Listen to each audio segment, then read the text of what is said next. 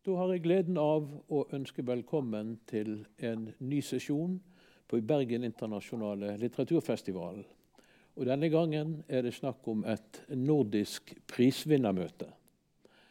Men fordi prisvinnerne nettopp har fått Nordisk råds litteraturpris, så skal vi aller først ha en, en liten hilsen fra sekretariatsleder for litteraturprisene, Sofie Hermansen Eriksdatter. Vær så god. Hej, jeg er Sofie Hermansen Eriksdatter, sekretariatsleder for Nordisk Råds litteraturpris. Jag jeg står her i Nordens Hus i Reykjavik, og vinterlyset strømmer ind. Og jeg vil nu igen sige tillykke med, at I har vundet litteraturpriserne i Cirkus Cirkel. Det er vældig smukt og nogle vældig vakre bøger. Og jeg vil ønske, at vi alle sammen kunne være sammen til litteraturfesten i Bergen, men ingen får jo åbne någonstans i de her tråkiga tider. Men øh, uh, Monika kommer jo her til Nordens Hus i maj, og Jens og Jenny, jeg er viss om, at jeg ser jer til sommer. Ha det bra. Ja, då är vi tillbaka till mina tre gäster idag. som alltså er vinnere av Nordisk råds litteraturpriser for siste år. La meg presentere Monica Fagerholm, som fikk pris for 'Hvem drepte Bambi?'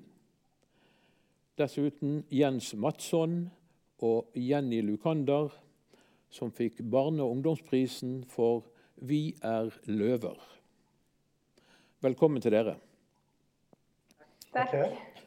Eh, i og med at vi ikke kan regne med at alle har lest disse bøkene, så vil jeg aller først be dere fortelle lite grann om hver bok, og, og gjerne òg om bakgrunnen for, for, boken. Altså hvorfor, hvorfor blir den skrevet, for å si det sånn.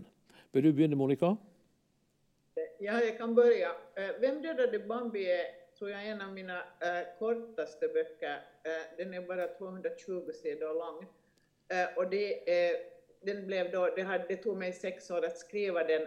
Det var ganska eh, kämpigt, eller det är alltid, mina processer brukar alltid vara jättelånga och jätteinvecklade, men den här var speciellt invecklad för att fem månader innan det skulle vara klart då, eller tre månader innan det skulle vara klart, då, så sa min förläggare åt mig, jag hade ett manus på 500 sidor, och så sa min förläggare att men nu tar vi bort 300 sidor.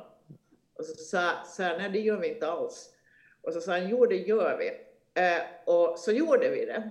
Eh, och det betyder då att det som, det som blev Dödade Bambi var egentligen eh, ursprungligen tänkt som en del historia i en större roman som hade flera historier. Men jag har ju insett nu Eh, när jag blev, eh, sen, I och för sig, så fort jag började jobba med det här då, så insåg jag att jo, det är den här berättelsen och det är bara den här berättelsen. Vad den handlar om då, så den handlar ju eh, egentligen om vad man kan kalla för tystnadskultur.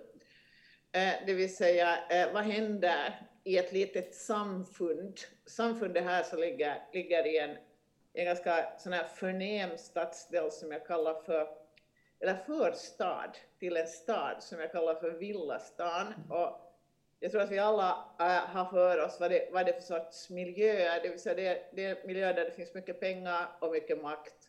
Eh, tänk Lidingö i Sverige, tänk Grankulla eh, i Finland. Jag har själv bott i Grankulla så att jag är del skyldig till detta.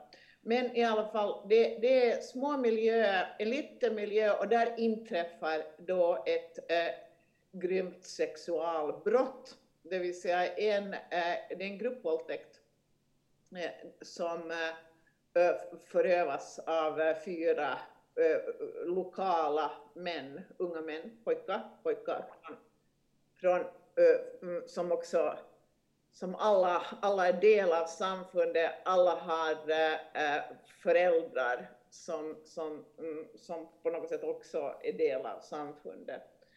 Och, och vad romanen då handlar om är egentligen inte själva övergreppet utan det som händer efteråt. Och, och, och det vill säga, den, vad har intresserat mig ganska länge, och det här har jag skrivit om och tänkt på och jag har forskat i det och, och researchat ganska länge, är det att, att, att det där att hur uppstår, hur hur uppstår en tystnad, och, eller vad vi kan kalla för tystnadssystem, som brukar uppstå eh, efter den här typens eh, händelser. Eh, det vill säga, vad är, vad är mekanismerna och, och varför sker det? Eh, så att det som har intresserat mig mindre än den juridiska sidan är, är, är egentligen påverkan i samfundet. Eh, hur, eh, och, och, och, utgående faktiskt från den tanken att tystnaden är alltid destruktiv. Tystnad är alltid destruktivt. Så det som egentligen romanen visar är väl att ingen, varken förövare eh, eller brottsoffret, blir på något sätt eh, lyckliga. Eh, det finns inget tillbaka egentligen. Eh, och, och, och detta, att, detta att man inte klarar av att handskas med en sån här händelse i det öppna, så ger upphov, och så här är det tror jag verkligheten, till, till, till ett kollektivt trauma nästan. Mm. Så det är vad det, det handlar om helt enkelt. Nettopp. Eh, Jens, vill du si litt om eh, Vi är lövar? Ja, eh, den har ju eh, en helt annan bakgrund. Eh, för att eh, det började med att en kompis till mig, hon ville illustrera bilderböcker, sa hon. Eh, och du som skriver lite, kan inte du skriva ett, ett manus? Eh, och då gjorde jag det och gav det till henne och så sa hon att det här var ju fruktansvärt dåligt. För att det var ju bara fyllt med eh, obegripliga karaktärer och väldigt detaljerade instruktioner för hur varje illustration skulle se ut. Eh, och då förklarade för mig att eh, illustratörens eh, del i det hela är ju att skapa just de här bildlösningarna. Om du redan har gjort det, då är det bara att fylla i. Liksom fylla i. Det är inget skoj överhuvudtaget. Eh, du, får, du får skriva ett nytt manus.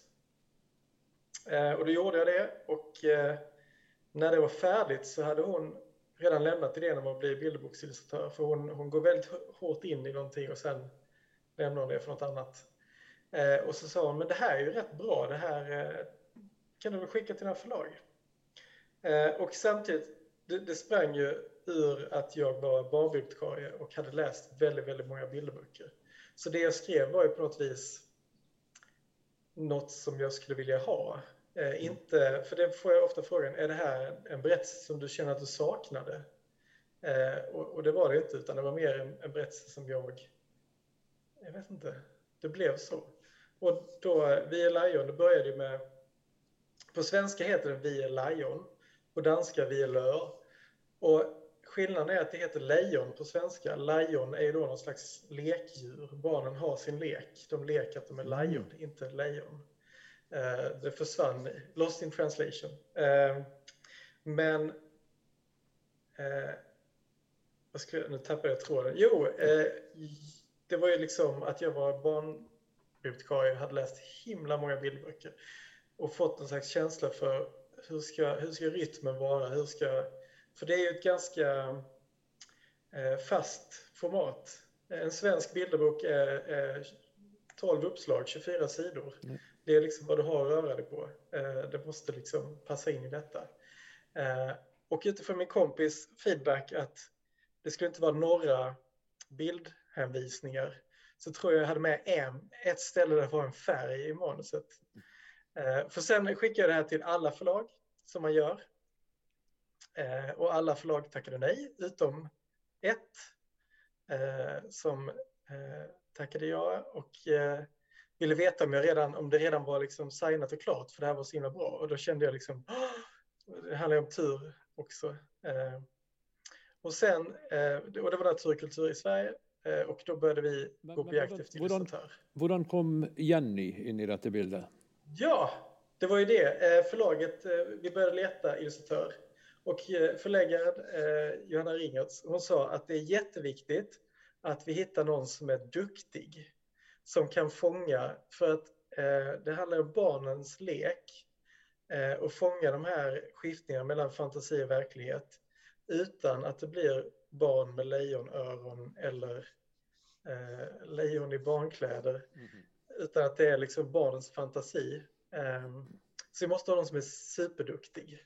Och det som är grejen med, med väldigt många superduktiga är ju att de är väldigt, väldigt upptagna. Så det var ju många som läste det, tyckte att det var ett jättebra manus, men jag är uppbokad flera år framöver. Då gärna... Eh, och då, då började vi spana utanför Ja. eh, Sveriges gränser och då sa Johanna, men Jenny Lukander, hon har gjort eh, fantastiska böcker. Mm. Och så sa jag, ja, vi kan ju fråga henne. Och Jenny sa ju, vad var det? Jo, jag kan göra det, men det får bli efter jul. Och det här var ju i maj. Så det låg ju på ytterligare ett år på, eh, på releasedatumet. Liksom. Men eh, få høre, Jenny. Eh, hvordan eh, arbeidet du med dette? Du, du, du kom jo først inn i bildet et, til et eh, fullt ferdig manus. Ja, det, ehm, det gjorde jag. Jag blev då kontaktad av, av Natur och kultur, eh, Johanna Ringers, där, förläggaren. Och, och hon undrade om jag var intresserad och jag, jag var också ganska uppbokad men hade då tid efter ett halvår. Och det, där, och det, var inte, det var inte svårt på något sätt att tacka ja. Att jag såg ju genast att det här hade faktiskt potential, att det var en underbar text. Klart att det var eh, det här temat. Det, det var inte tystnadskultur, men det var liksom ett annat tungt tema då, med, med svår sjukdom och död. Och då tänkte jag att där blir en utmaning för mig också att göra det här rätt. Men att det var en utmaning jag gärna ville anta. Uh, och, och då här i, i Finland så har jag jobbat med förlaget, eh, oftast kallat förlaget eller förlaget M. Mm -hmm. Och, och så, så undrar jag om vi skulle göra ett sådant här slags nordiskt samarbete mellan de här två förlagen och, och det, det lyckades då till min glädje. Eh. Så på det sättet kom den ut både på, i, i Finland och, och Sverige samtidigt. Eh, när du alltså får ett fullt färdigt manus i hände, vad ser du som det viktigaste du kan tillföra detta manuset? Du har ju absolut gjort noe for å gjøre denne boken bokstavelig talt prisverdig. Tack. Um, ja, no, jag, jag liksom... Um, det, ju, det, det, måste ju kännas så att, att det finns någonting liksom, eh, där som bilderna kan ge. Att just som, som Jens förklarar med, med det här, i det första exemplet med hans första manus, så, så kände illustratören att här finns ingenting hon kan ge, för det finns för mycket instruktioner. Och, och mm. kanske har man skrivit en text som är så tjock och så beskrivande att liksom illustrationerna inte kan tillföra någonting, så då, då, kan man ju direkt säga att det här är inte liksom ett, ett bilderboksmanus, eller ingenting som, som man är ens intresserad av. Men här fanns någonting i, i Jens text som liksom, det, man sa att det kommer att bli en fin kombination. Eh, men annars så där, om jag nu ska vara intresserad av ett manus så jag tycker jag liksom att det ska, jag ska känna att det är liksom på något sätt min tankevärld där. Att, att, att, att, äh, att gärna så att författaren och jag liksom delar världsbild på något sätt. Äh, och att, att det ska finnas ett barnperspektiv och, och att det ska vara en, liksom, en intressant och relevant historia att berätta. Ja, är det kanske till och med slik att uh, du med dine illustrasjoner kunne ha endret på perspektivet i hele fortellingen? Hvis du ville? Uh, ja, intressant fråga. Uh, no, jo, visst, säkert. Visst, jag ville det, men, att, nej, nej. men nu som... Uh, säkert, visst är det ju så att uh, det skulle vara intressant att se att hur, en, hur en annan illustratör skulle ha ja. illustrerat den här boken. Det kanske skulle blivit något helt annat. Men, men att sen är det ju någonting som, som man liksom för diskussioner med mellan redaktören och författaren och illustratören eh, just kring det här att vad är det vi vill säga. Och för mig är det så himla viktigt med de här diskussionerna och analysen här innan. Vilken mm. värld vill vi visa? Vad vill vi säga? Och vi gör det här tillsammans. Eh, jag, jag kör ju inte iväg och liksom gör ett eget race där, utan vi hela tiden så har vi liksom, ska vi ju vara ena eh, enade i vad är det vi vill säga här. Ja. Eh, titel till Monica, på Monikas roman 'Hvem døde Bambi', den er jo hentet fra en Sex Pistols-låt. Og åpningslinjen i den føler i hvert fall jeg er ganske dekkende for begge disse bøkene. Den lyder slik Gentle pretty thing who only had one spring. Er dere tre enig i at uh, dette er like dekkende for Via Løver som for uh, uh, Monikas roman? Ja, varför inte?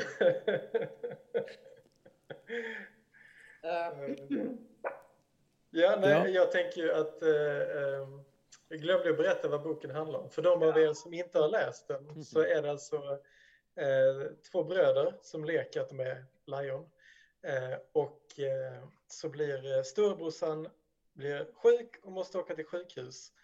Eh, och till och med förlorar sin lejonpäls på huvudet och sådär. Eh, men det stoppar ju inte leken. För att för barn så är ju lek och verklighet, de eh, går ju in i varandra och är lika viktiga. Så bara för det att man sitter fast i slangar betyder inte att man slutar vara, leka att man är ett lejon. Mm. Och sen så är ju slutet lite öppet. För att eh, det ursprungliga manuset så var det ju inte öppet, då dog han. Det var liksom ingen tvekan. Mm. Eh, och där var det ju förläggaren som sa det att, att genom att lämna slutet mer öppet så öppnas ju boken för fler läsare. Eh, både de som har upplevt det och för andra och de som har upplevt att det har slutat bra eller slutat dåligt. Det, liksom, det blir fler som kan äga texten som sin egen. Ja. Men den, den, disse linjene fra Sex Pistols de, de kan passe for, for uh, den boken òg? Ja, ja. Mm. Mm. ja. Det, är, det är väl sån härlig intertextualitet, eller vad kallas det? Mm.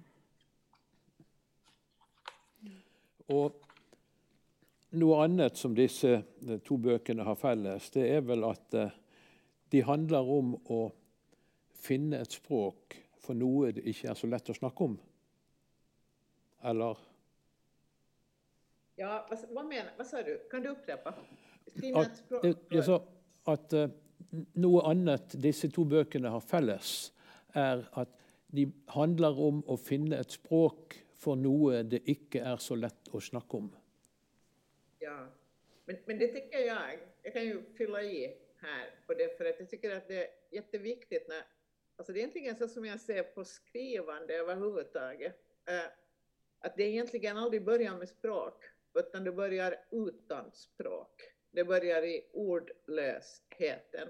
Mm. Och, och, jag tror, jag tänkte på när, när, du, när vi citerar Sex Pistols och så skrattar vi alla. Det, det, är ju liksom lite meningen vi ska tänka när vi, när vi tänker på Who Killed Bambi. Alltså det är ju en fruktansvärd sång, ska jag berätta för er. Och så ska ni gå och titta på den där videon på Youtube så blir den ännu mer förskräcklig. Men jag är ju, jag är ju uppvuxen med punken och, och Sex Pistols som jag gillar och sådär att, att det där var kanske då ett lite extra perspektiv på det te eviga temat som ju handlar om oskuldens död.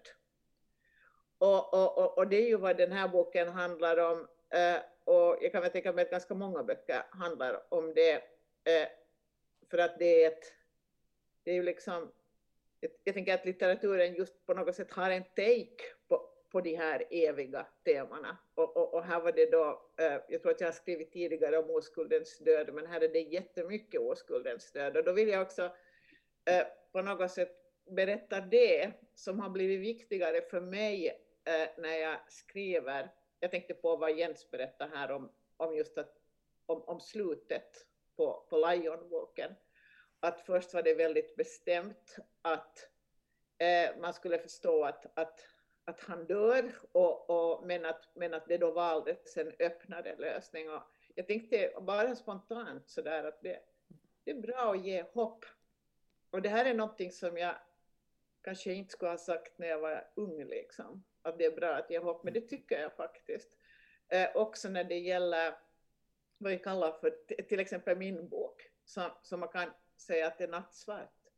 Men men, men då kan vi också tänka oss att jag hade tänkt mig, och jag försöker visa, det finns en annan berättelse i, i romanen som har två tidsplan. Det ena tidsplanen är då denna, denna äh, äh, händelser kring gruppvåldtäkten som har inträffat några, kanske 20 år tidigare, jag kommer inte ihåg hur det var. Men äh, så finns det ett, ett, ett nu-plan där vi har en av, huvud, jag tror att huvudpersonen heter Gusten Grippe och han är en av de här killarna som har varit med och gjort denna, det vill säga varit en av förövarna i gruppvåldtäkten, men han var också den som gick till polisen Eh, och det, det, skulle han då alltså inte ha gjort för att han fick hela sitt liv förstört av det där och han hamnade på mentalsjukhus. Alltså mm. hela hans värld skulle på något sätt krascha med det där. Men han har då på något sätt tagit upp sig på fötter och, och av någonting, eh, det sker någonting, alltså det kommer helt enkelt en kille, en gammal klasskamrat kommer, kommer fram och säger att han ska göra en film nu som är filmregissör som heter Vem dödade Bambi? Who Killed Bambi och den ska just handla om denna våldtäktsfall som hela det här lilla, lilla samfundet har förträngt allt vad de bara orkar. Och detta, detta ger då impulsen för Gustav att han måste gå tillbaka och gå igenom allt det där igen. Men det finns eh, två andra personer, eh, dels hans före detta flickvän och, och, och, och sen hennes väninna eh, som jag, och jag kommer aldrig ihåg vad de heter fast de är huvudpersoner. Saga, Lill och Emmy. Emmy. Emmy. Ja. Eh, de ja. Eh, och, och, och, de är då, eh, och via dem, eh, och de blir då, så egentligen på något sätt har jag försökt visa att ett sånt här trauma så det påverkar otroliga saker framåt i tiden. Alltså det vill säga det påverkar till och med Gustens relationer till dessa två kvinnor som han har relationer med. Och det påverkar dem i sin tur.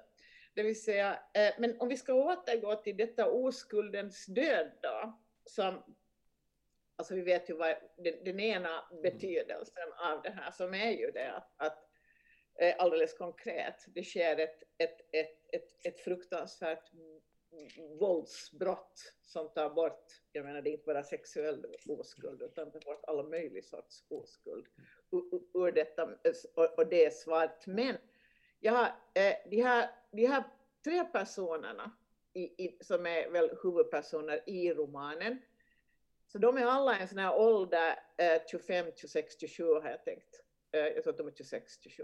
Och, och, och, och då har jag tänkt mig också att det finns en positiv aspekt av oskuldens död.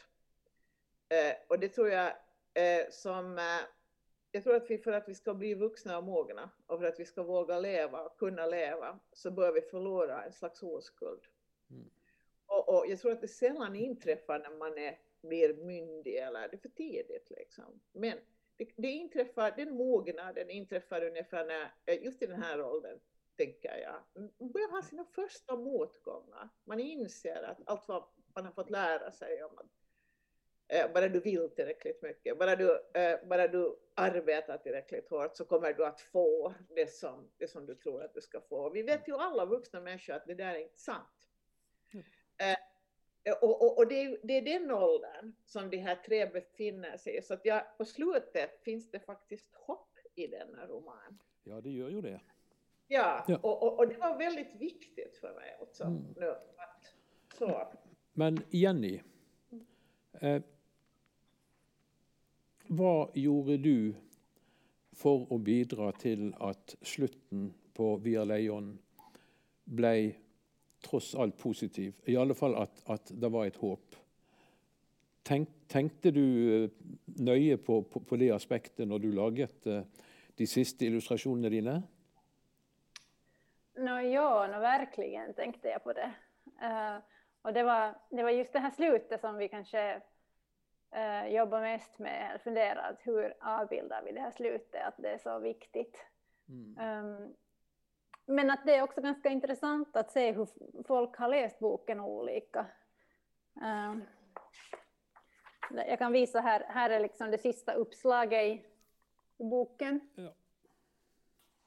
Um, där är, är, är, är det här huvudpersonen på någonting som man kanske till och med skulle kunna tolka som en dödsbädd och pappa ordnar blommorna och mamma är så ledsen som hon inte har varit tidigare och, mm. och bror har tappat all sin päls. Men men om man ännu äh, läser liksom den allra sista sidan, tapeten som den också kallas här innan, Nettopp. baksidan på pärmen, så ser man ju att Ja. här är de liksom i lite annan skepnad. Mm. Så jagar de vid- vidare på savannen. Nettopp. Ja, for Ja. der, der er jo en, en siste setning òg i, i teksten som eh, antyder et håp om at eh, det ikke er slutt. Stemmer ikke det, Jat, eh, Jens? Det står vel Ja, ja. sna, ja. sis, Siste setning 'Snart skal vi gå på jakt igjen'. Mm. Enten det er her eller i det hinsidige, slik som i 'Brødrene Løvehjerte'. Mm. For den del, har du latt deg inspirere litt av eh, Brødrene Løvehjerte, Jens? Uh, jag får, jag får, som barnbibliotekarie får man inte säga detta uh, och som svensk, men jag har faktiskt inte läst Bröderna Lejonhjärta och jag har dessutom missat både tv-serie och film uh, till min sambos stora sorg. Mm. så att om jag har inspirerats av just Bröderna Lejonhjärta så är det väl genom osmos, eh, inte direkt liksom. Eh, jag tror lejonbiten, hela grejen började med att jag en helg bara fick det här, vi är, vi är lejon. Den, eh, det uttrycket idén. liksom, vi är Ja. lejon. Och bara tänkte, vem skulle säga det? Men det måste ju vara några barn som leker att de är lejon. Och, och utifrån det växte historien. Ehm, så att det blev just lejon, ingen aning. Jag har inget bra, inget bra svar på den frågan. Ehm, och Bröderna Lejonhjärta, det är ju det är ganska uppenbart så i efterhand. Jo, precis. Ehm, men eh, inget som jag sådär aktivt tänkte. Liksom. Skjønner. Eh, kan vi òg peke på et mulig annet fellestrekk mellom de to bøkene? Nemlig kontrasten mellom idyllen og det truende, altså hotet. Den er er selvfølgelig mest tydelig i Via Lejon, men den fins vel også i Hvem døde Bambi? Kontrasten mellan idyll och hur det är, Ja, är det det? ja, du kan gjerne mm. Eller, eller altså hot, hotet, det truende. Ja, Ja. jag tror att det finns, ja. Och man kan väl översätta det i den här boken som så att det, att det handlar, den där idyllen, så handlar ganska mycket om vad vi kan kalla för en fasad. Ja. Eh, eh, villastans fasad som det är viktigt att hålla upp, uppe. Liksom. Och, och då utgör ju, utgör ju hotet mot denna fasad, så utgör ju det som har skett alltså. Eh, det här, låter, det här är ju en banal tanke egentligen. men, men, men jag tänker så här att, att, det där, att orsaken till att jag ville placera den här, den här händelsen i en miljö som den här miljön, eh, mycket pengar, mycket makt, mycket alltså konkret makt som är liksom, helt enkelt politisk makt eh, till, till liksom pengarna i, i, i samhället i stort. Så, så var egentligen det att, att, det där, att jag menar ju inte att, att den här typens gruppvåldtäkter sker enbart i den här typens miljöer, de sker överallt. Alltså. Och jag tror att det här tystnadskulturen, alltså vad, vad man kan, vi ska kanske ta ett lättare ord för tystnadskultur, det vill säga det att man har så svårt att prata om det här. Eh, och eh, jag tror att man ska ta på allvar det här också när man säger att, att det är svårt att prata om det, för det är det. För att man, det, det finns liksom inget språk för det här. Ja, Och, eh, er, er, er det problemet, eller er det snarere et problem altså at språket kanskje fins, men det mangler vilje? Ja, det är både och, det är både och. Men jag har tänkt väldigt konkret på det här, alltså att, att det där, för att jag har följt med en hel del fall, fall liksom på nära håll, och där det liksom på något sätt samma mekanismer. Jag har tänkt ganska konkret på att vi har en allmän nivå när vi pratar om våld, Mhm. eh, som det är väldigt lätt att ta till. Vi fördömer våld mot kvinnor, det är klart, vi, för, vi fördömer sexuellt våld. Och så finns det den här riktigt, riktigt privata nivån som bara är skvaller och snask som faktiskt på riktigt gör illa åt människor. Mhm. Eh, och, och, och, då har vi den här juridiska nivån som, som, som till exempel vi nu då tycker att ska räcka till och jag är inte så säker på det för att juridik är jättebra och det är bra att brottslingar får sitt straff men på något sätt när det handlar om, om alltså jag tänker mycket också på eh, liksom, de är hem, våld i hemmet och sådana saker. Mm. Eh, så, så det där, du löser inte dem med juridik ändå, du får inte slut på dem, utan jag tror att det handlar om ett språk som som gör att vi ganska naturligt kan beröra de här sakerna mm. i vår vardag. Och det här kanske liksom jag riktigt saknar. Och då tänkte jag att, och det här var faktiskt en orsak till att jag skrev den här romanen, var det att kanske litteraturen kan, ge, kan, kan bidra till att, att ge en sån, ett sånt här mm. språk. För att vad som händer i min roman är ju egentligen det att det, det är en bild av någonting. Men, men hur ser du detta språkproblemet, för att kalla det det, i relation till språkproblemet i Via Lejon? Det var, det var en svårare fråga. Alltså. Men, eller, jag menar, vad är den svårare parten då? Språkproblemet i Via Lejon, är det, eh, eh, ska, hur, ska vi, hur ska vi tackla det? Ja.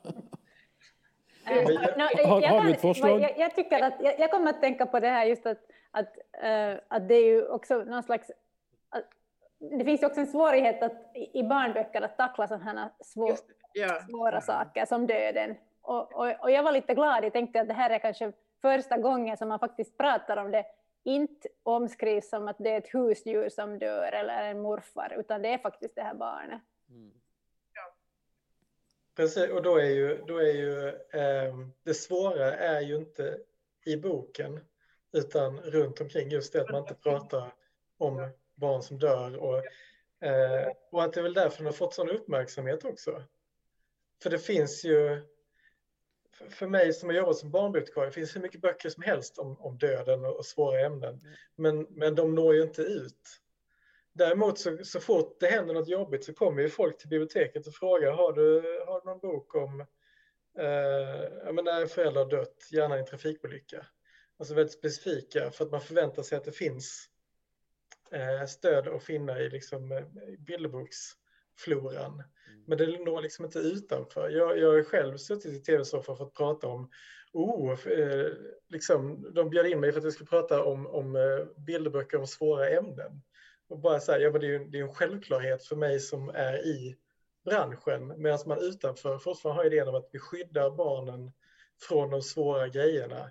Och då är det överraskande att det finns eh, böcker om barn som far illa eller som blir sjuka eller vad det nu är. Liksom. Så där är det ju typiskt sån tystnadskultur som du säger Monica. Det här med, med idén om vad man ska berätta för barn och inte berätta för barn. Och, eh, där barnlitteraturen kanske är modigare än vad folk tror. Jag, tror det. Och nu kommer jag på en sak som jag skulle säga, alltså helt enkelt att så, eh, när, när det gäller barnlitteratur så är det väl ganska ganska tydlig problematik där att vi känner att vuxna känner, och det är ju sant, man måste skydda, man måste skydda barnen eh, och, och, man måste välja uttrycket sådär. Men ibland så tycker jag eh, att det där gäller ju också den eh, vuxenlitteraturen. Va? Eh, att, att, det där, att vi känner kanske eh, allt, allt, allt mer att vi, att vi på något sätt måste skydda Eh, för att nå ut. Och, och, och, och, då var det för, alltså jag tänker nu på Bambi till exempel, när vi, vi blev med det där med fasaden, men vi ska bara säga att, att det intressanta med en sån här miljö är det att det finns så mycket, fas, det är inte bara fasad utan det handlar om konkreta saker, makt och pengar. Så att när vi använder ordet idyll och fasad så tycker jag vi ska förhålla oss på allvar till det.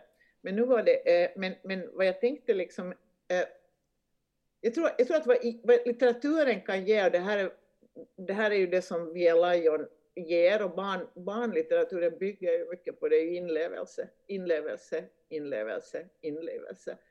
Eh, det vill säga, det är därför vi läser.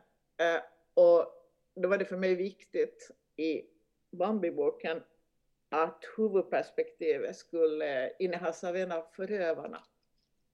Alltså en som var med och gjorde det. Mm. Och, och, och, det är ju oftast ett perspektiv vi inte får. Liksom. Eh, och, och hur han förstörs, alltså han har också en ganska naiv tro på, på det vad vi kallar juridiken och rättvisan. Han, han tror att det bara att gå till polisen så löser sig allt. Så visar det sig att han får betala för just det att han försöker få den där juridiska rättvisan att fungera. Så får han betala med, med, med alla, sina, alla sina kompisar, hela sitt sociala sammanhang. Ja, det vill säga han tappar, tappar sitt jag. Liksom. I, i, i, I Via Lejon er det vel også viktig at, eh, at historien nærmer seg alvoret gjennom leken? Eller hva Ja. sier du, Mats? Ja, Ja. Jen- Jens, unnskyld. ja, förlåt. Min eh, fransklärare på gymnasiet kallade mig Mats i tre år i sträck. Så att jag, jag är Du har, du har ju gå på. tillbaka i tiden där. Eh, förlåt, om... om eh, nu Nej, alltså- jag frågan.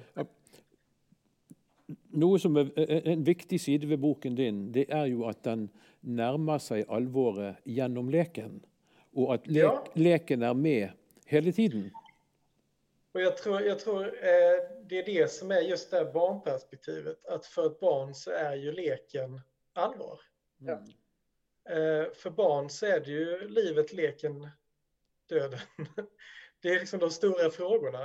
Eh, Medan för vuxna så har väl leken ersatts av arbetsorganisering kanske. För det är det alla pratar om hela tiden. Eh, men att, eh, ja men precis att leken är ju det viktiga för de här barnen.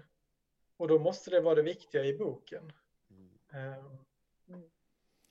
Slik tenker ikke alle barnebokforfattere.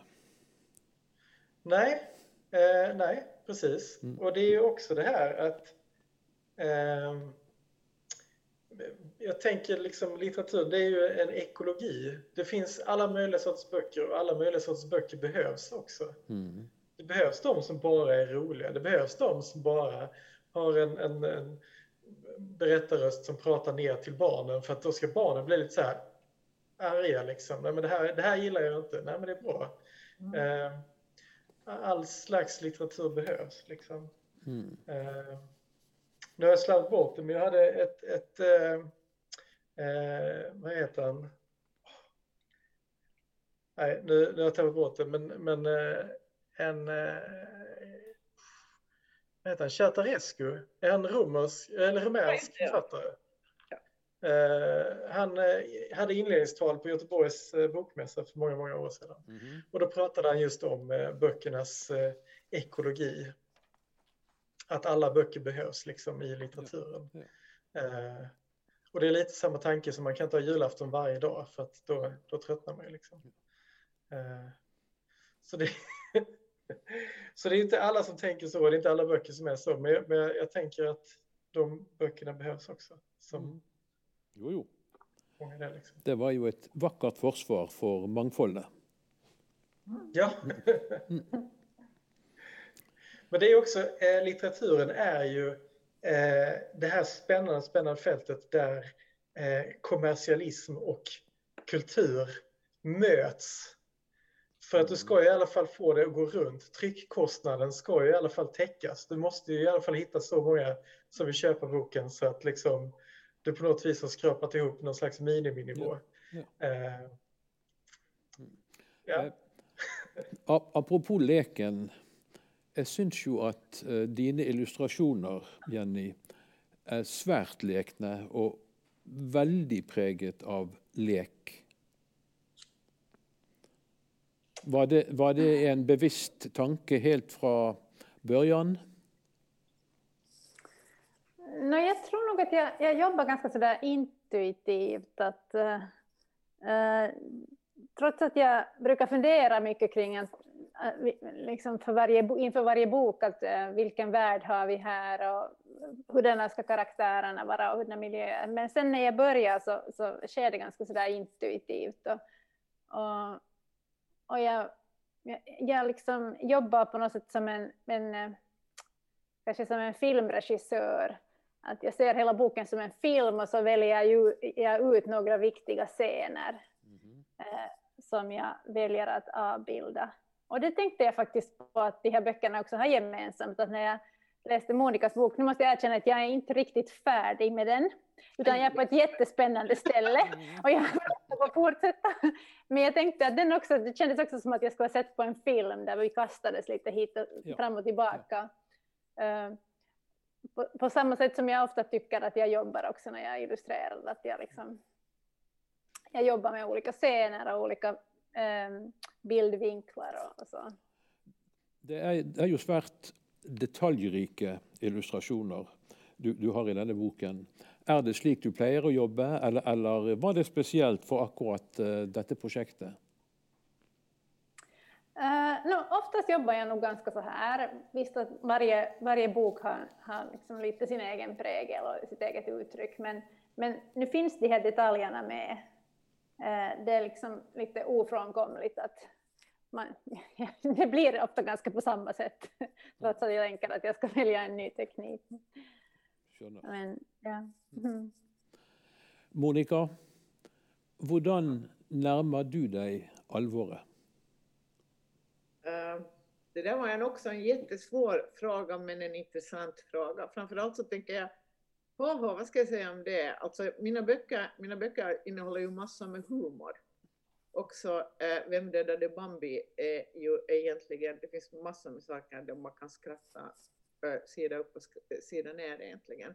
Och det där är ganska viktigt för mig, för att, för att jag tänker mig att, att det där att för att det som är mörkt ska vara mörkt så måste vi ha det där ljuset. Eh, och sen är det också någonting med, med mig själv, alltså. Eh, eh, det vill säga att jag Eh, jag tänker väldigt mycket på att, att det där, alltså när jag skriver så, så det handlar hemskt mycket om att, att, att försöka skriva sig fram till bokens ton och bokens rytm och allt går på intuition också så där som, som Jenny sa, liksom att jag, kan, jag är hopplös på synopsisar och, och sådana. Jag har, jag har liksom några sådana bilder i huvudet, grundscener, dit ska jag, dit ska jag. Eh, och så börjar jag skriva och sen plötsligt blir det något helt annat. Men det är liksom lite som att, som att ha det ha, ha, det, ha liksom något slags rättesnöre ändå, vart man är på väg. Så att det är nog det där skrivande som sen berättar för en att vad är allvar och vad är lek och vad är skoj i det här. Men, men jag tänkte på i det här fallet, eftersom det här liksom var så, så tydligt, eh, jag menar, men jag har jobbat med den här boken före metoo, så att den, den börjar inte med metoo. Utan, utan det började eh, någon gång slutet av, av 2009 eller något sånt, när jag hade jag följt med den här typens rättsfall och då hade jag tittat första gången på, eller Jeffrey Epstein, han som mm. hängde sig i fängelse, eller vem som tog livet av honom för två somrar sedan, men då var faktiskt den första rättegången, redan då. Va? Och några modiga kvinnor hade trätt fram eh, och det blev någon slags dom på det där, men det var skrattretande och resultatet var att de här kvinnorna bara hängdes ut ännu mera. Eh, I princip var det samma rättegång som skulle återupptas, eh, men med massor, massor, massor mera eh, vittnesbörd för, för två år sedan när det här började inträffa. När, när, när, när, allt det här, alltså när han tog livet av sig och så vidare, vilket möj, möj, möjliggjorde det här. Men, men då var det liksom en sån här liksom barnslig undran att, att det, för det första, att liksom, jag menar, jag, eh, eh, det är klart att vi har sett att det fungerar så här, liksom, att det inte finns en rättvisa. Eh, och att de här kvinnorna som redan, redan, redan hade lidit, alltså de blev ju uthängda i medierna helt enkelt och förstörda av det, att varför ska det vara på det här viset? Och så tänkte jag att jag vill liksom skriva om det här då på något sätt. Och, där, eh, och jag vill försöka vi tror jättemycket på inlevelse, som jag sa tidigare. För jag tror också att, att när vi börjar liksom på något sätt titta på saker på jättelångt håll, som typ liksom den här typens våld då, så, så det är så jättelätt att, att tänka svartvitt alltså. Mm. Eh, det vill säga att, att ofta, ofta liksom saker, och det, och det är ju det som gör, det betyder ju inte att det inte finns en rättvisa alltså. Men, men, men det finns en nivå där allt sammans handlar om människor som går in och ut ur varandra och som påverkar varandra. Okej, men, och då frågar du hur, hur gör man, eh, för att då hade jag ett ganska allvarligt uppsåt. Eh, men det kan också vara ett problem alltså. Därför för att då blir det väl eh, lätt så att man, man, man börjar liksom på något sätt hitta på något exempel på fall där man ska visa någonting som är ja, alltså det här är ju fruktansvärt, det som händer. Och, och, men men den där, det där uppsåtet tycker jag ibland att står emot skapandet. Det vill säga det enda som får skapande igång är när människor börjar leva. När det blir ambivalent. När det, när det blir liksom så att den, de onda verkar goda och sådana saker. Va? Mm. Eh, eh, så, så det handlar jättemycket om att resa med de här människorna. Men, men eh, samtidigt så har ju du gett eh, boken din eh, det jag vill kalla en ganska krävande struktur. Jag tycker inte alls att den är krävande. Men det var det här som jag tänkte när Jens sa här att det behövs alla typers litteratur. Jag håller så med om det, men problemet är kanske lite idag att vi har så jättemycket litteratur som ser precis identisk ut. Det vill säga vi har berättelser, jag tänker nu på vuxenlitteratur, det som, kall, det som kallas för berättelser och formatslitteratur eh, som följer det där första vändpunkten och kulminationen och slutet och det ska berättas på ett enkelt språk och det ska vara karaktärer som alla kan identifiera sig med och bla bla bla liksom. Mm. Jag har inte något emot sådana böcker men problemet är det att man faktiskt kan fråga sig eh, att är det här det som litteraturen är? Eh, jag har en känsla av att litteratur ändå är det som ska öppna våra ögon, som ska få vårt hjärta att bulta, som ska få oss att andas igen, det vill säga lite ett sånt gammaldags ideal. Att litteraturen handlar om att visa, visa på det här. Det här och det där gör man då är språket inte, inte bara ett redskap, utan det är ett innehåll. Det vill säga för mig handlar det jättemycket, det gäller alla mina romaner, så, äh, så, så handlar det om att inte sitter jag och komponerar komplicerade strukturer, inte sitter jag och komponerar komplicerade meningar, utan jag skriver och skriver och skriver tills jag hör det, tills jag känner det alltså tills det liksom bottnar. Och då är det ibland så som det är i den här romanen så är det jättelånga meningar. Va? Men jag tänker på att vi har, vi har alla läst långa meningar, det är ju bara att läsa dem. Eh, eh, och, och, det som jag tycker är viktigt med mina romaner, för jag får alltid höra det att det är krävande och det är jobbigt och så här. Alltså det är inte minsta jobbigt. Det som är jobbigt är om man förväntar sig att det ska, aj här, så här ser inte en vanlig thriller ut, så här ser det inte ut. Men tänker, var kommer de förväntningarna? Mm. Det är ju bara som att titta på en tavla, se en film, ta emot det som kommer. Och då är det så att man läser mening för mening, rad för mm. rad, och så kanske hör man saker och ting. Mm. Det, det, blir en ton, det blir en rytm och allt sånt här. Naja, men så därför tycker jag att det vad jag gör är urenkelt. Men jeg, jeg, jeg, må likevel innrømme at uh, straks jeg hadde lest uh, romanen din, tenkte jeg denne må jeg skynde meg å lese en gang til. Just det, for, for, for, for virkelig å, å, få med alt. Hvordan opplevde dere uh, å lese denne romanen?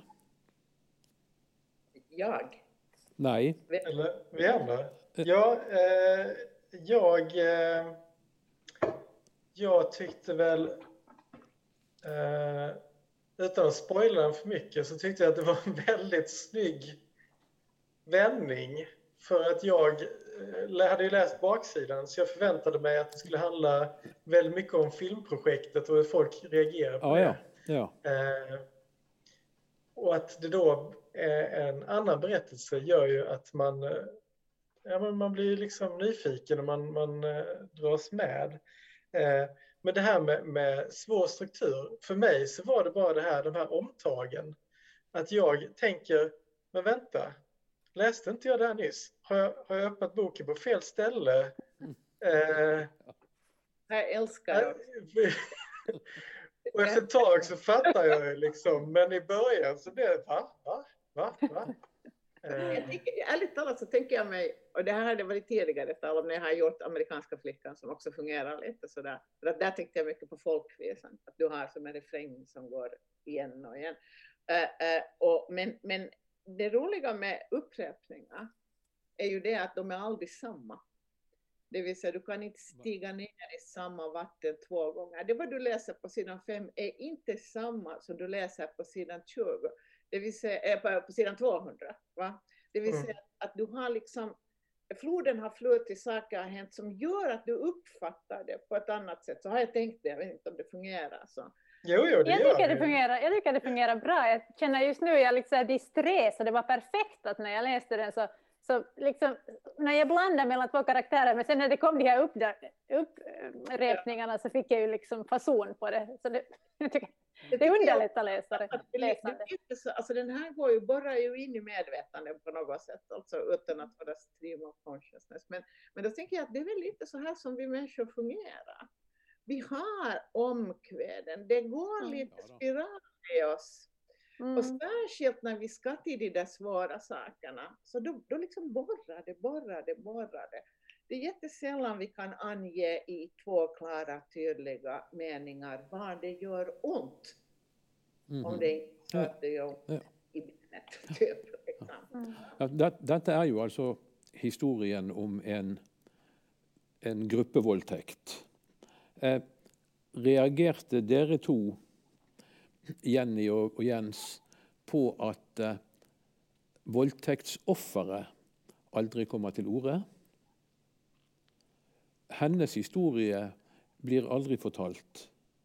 Var, var det noe dere reagerte på? Uh, ja, eller, min bild var ju att det här var ju en, en, eh, skulle vara en berättelse om någon som återvänder för att göra en film om det här och vänder sig till förövarna.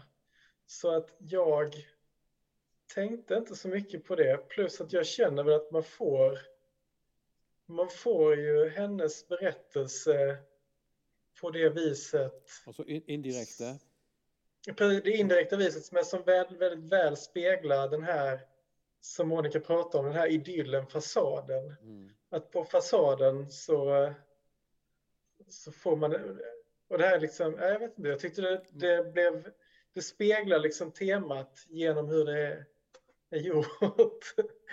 Så att jag, jag tyckte inte att det var, jag saknade inte det. Jag, jag, jag tänkte på det och sen antog jag att det fanns en anledning till detta. Liksom. Ja. Det var inte så att jag reagerade och tyckte Mm. att Mm. Eh, Ja, vad jag tror också att jag kände till att det skulle vara så här. Så att, men jag tyckte om det här perspektivet då, att, att liksom, he- hennes röst inte direkt Mm. kom fram där. Och Jag speg... ja, Ja, förlåt. ja. Kan, jag säga, kan jag säga någonting om det här? Va? För, för att det är väl lite, alltså det som, det som hände medan jag skrev var att metoo kom. Och metoo påverkar mitt skrivande. Metoo handlar ju uttryckligen om att offren och de drabbade får ett språk, det vill säga de tar språket och slutar skämmas, sluta, sluta vara stigmatiserade, prata själv. Och eh, ofta med lugna röster. Jag tycker det är viktigt att säga att metoo är inte ett mediafenomen, det är inte någonting som föregår i svenska kvällspressen. Det är inte kändisar som är arga på varandra, utan det är helt allvarligt. Det är vanliga människor som äntligen på något sätt känner att de kan prata om det som har hänt. Och det här förändrar ju egentligen hela bilden av E- ett sånt här sceneri, det vill säga att offret får en röst. Och jag ser också metoo som en process också, som vi är i början av, som kommer att förändra ganska mycket och kanske ge oss det där språket som vi pratar om. Men när jag gjorde romanen så funderade jag då, för att metoo betydde ju mycket i det där skrivande sen också, det vill säga jag tänkte att, att det här är ju liksom viktigt ja, och, också. Eh, men då tänkte jag att det, det är helt orealistiskt. I den bild jag tecknar, alltså av det här samfundet. Det vill säga att om man försöker ge en övergripande bild av olika instanser Mm. i någon slags offentlighet eller halvoffentlighet, då existerar inte offrets berättelse. Och sen är det en annan sak som jag tycker är viktig. Och det är det att vad om offret inte vill vara offer? Vad om offret ser att det inte har någonting att vinna på att vara offer i, en, i den här idyll, alltså historien om fasaden eller historien av den riktiga historien Vill- Villastan. Och jag ser väl att Sasha Ankar som är offer här är jätterealistisk. Hon säger också, hon pratar med Gusten faktiskt på ett ställe, att vad gör jag med din rättvisa, Gusten? Mm. Eh, för, och det är alldeles sant. Det, det, eh, vad hon vill ha är pengar och möjlighet för att hon vill sticka bort. Hon vet att, att, att, liksom att ja, ja, och, och det gagnar henne mera, alltså, egentligen. Och jag tycker och att det här är en viktig... Gusten. Va? Ja, och, och detta ödelägger så att säga Gusten. Absolut, absolut. Och sen är det ju en sak som händer också när hon, hon vägrar ju prata i rättegången. Det, det gör ju också att vi inte får en ordentlig rättegång juridiskt. Men det, det, här, det har jag också försökt mena, som jag sa i början, att vi, det räcker inte bara med juridik när sådana här saker har hänt. Vi, vi, måste kunna prata om de här sakerna utanför rättssalen. Liksom. Också av de här anledningarna, att det är så mycket det är så mycket samverkan och relationer och det ena och det andra som spelar in. Kan, kan vi säga att uh, Gustens rättfärdighetstrang eller rättfärdighetssans, ja. detta att han vill gå till politiet och inrömma och att han vill bli dömd, i detta tillfälle faktiskt uh, bara verkar negativt på offret?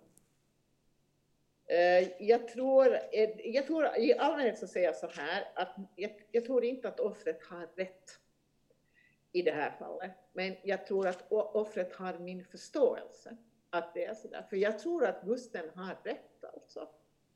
Eh, men, men, men han kan ju liksom, men jag försöker väl kanske också visa så här att det är inte så lätt bara att, att gå till polisen och vänta sig att alla ska prata. Va? Inte ens offret. Liksom. Liksom. Mm. Och det här tycker jag är ganska realistiskt, för jag tänker också på, när, på, på de faktiska fall äh, äh, som, som, äh, som jag känner till, eller det händer ju i alla våra länder. Mm. Alltså. Så, så, det är ju väldigt, liksom av många anledningar som offret inte kan tänka sig sitta, sitta och vara offer i en rättssal. Alltså. Mm. Ja. Eh, vi närmar oss eh, slutten, men eh, jeg har merket meg at eh, Via Leion eh, passer for barn mellom tre og seks år. Men det slår meg jo at den passer også så til de grader for foreldre. Og det gjør vel Altså, foreldre er vel riktig adressat for din bok også, Monica? Ja, jeg tror det. Jeg tror det faktisk. Eh, eh, eh, men för sig vuxna, vuxna. Vi måste bli vuxna i vårt samhälle. Va? Så är det. Ja.